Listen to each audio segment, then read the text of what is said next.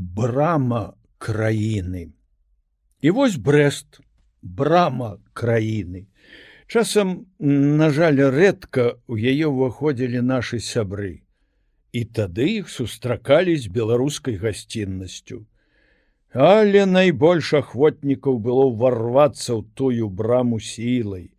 Сведчаннем гэтаму камянецкая вежа, царква крэпасць у чаранаўчыцах 1583-1585 гады у якой жыхарам часта даводзілася трымацца ў аблозе, з якой у 1941 годзе страляў цывільны беларускі чалавек па фашыстах і якая пасля гэтага была падпалена.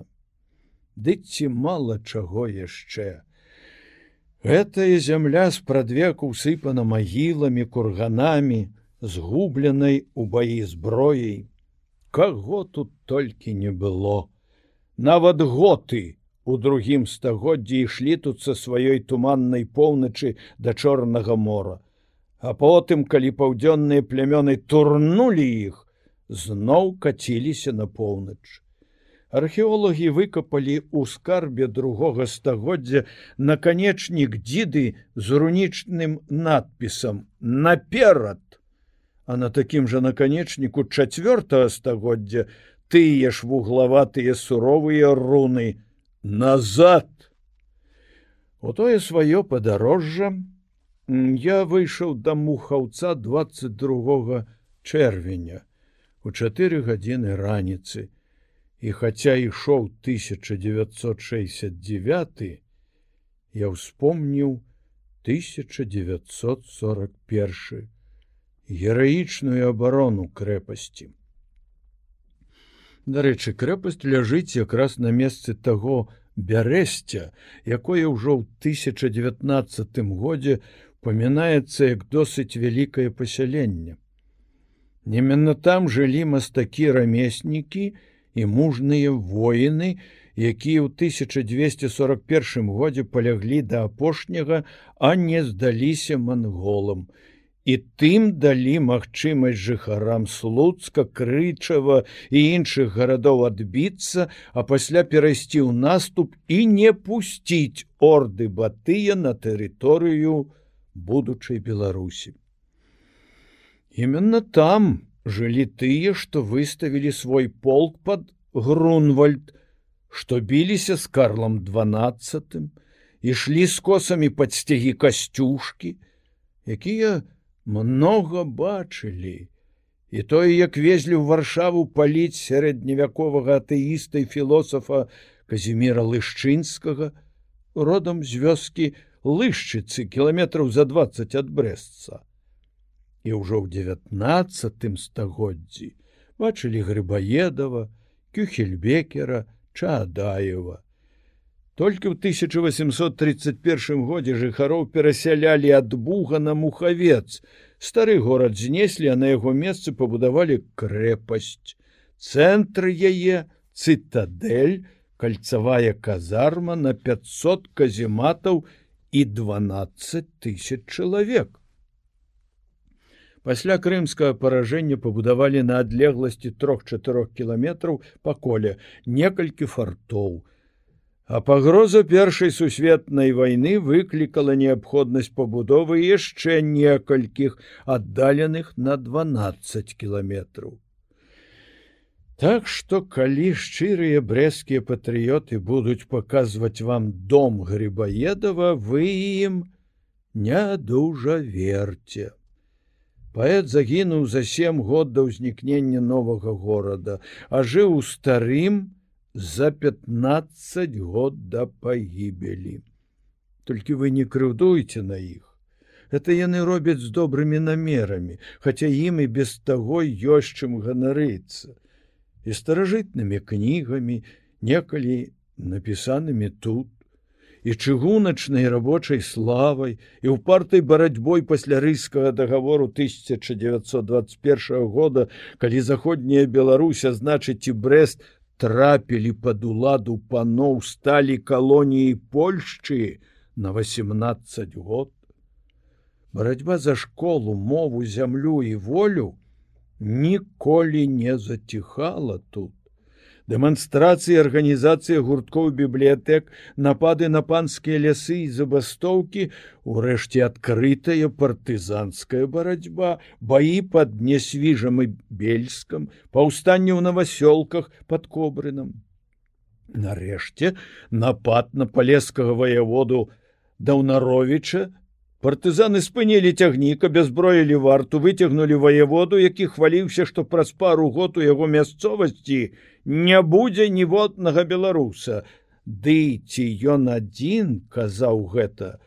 І адхвасталі. Пасля гэтага беларусы засталіся а вось ваяводу ваяводу прымусілі падаць у адстаўку. Які ж цябе ваявода калі цябе адлупцавалі? КПЗБ і яе канферэнцыя была ў 1923 годзе выдавала газеты на беларускай польскай яўрэйскай мовах Людзі тысячамі траплялі ў турмы або ў лагер картуз бяроза, пабудаваны па ўзору нямецкіх тут жа на брэшчыне. Але народ быў даведзены да таго, што тэрор ужо нікога не палохаў. Брэсту ёсць чым ганарыцца. Успомнім хаця б вайну. Эпапея брэскай крэпасці героя ўсім добра вядома. Таму я не буду гаварыць пра яе шмат.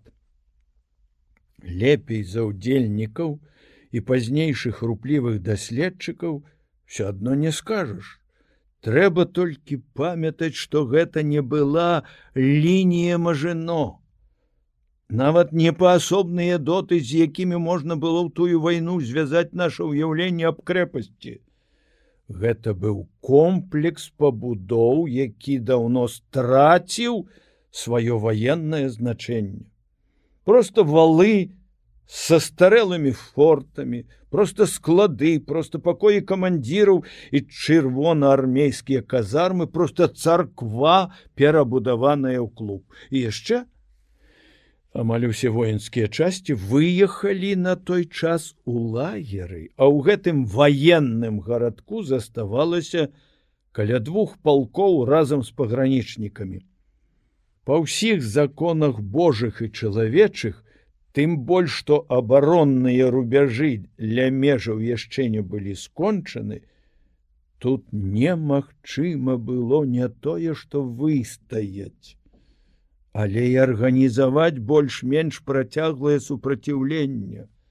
Любы кадравік, любы ваенны тэарэтык сказаў бы, што гэта супраціўна натуры, нереальна немажліва.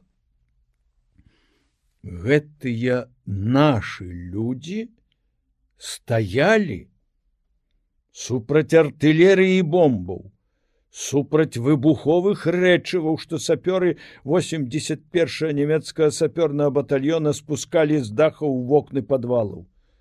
Сплаўлялася ў шклопадобную масу цэгла а людзі стаялі на смерць. Бо змаганне было заведама няроўнае. 30 чэрвеня 10 ліпеня стрэлы ўсё радзей.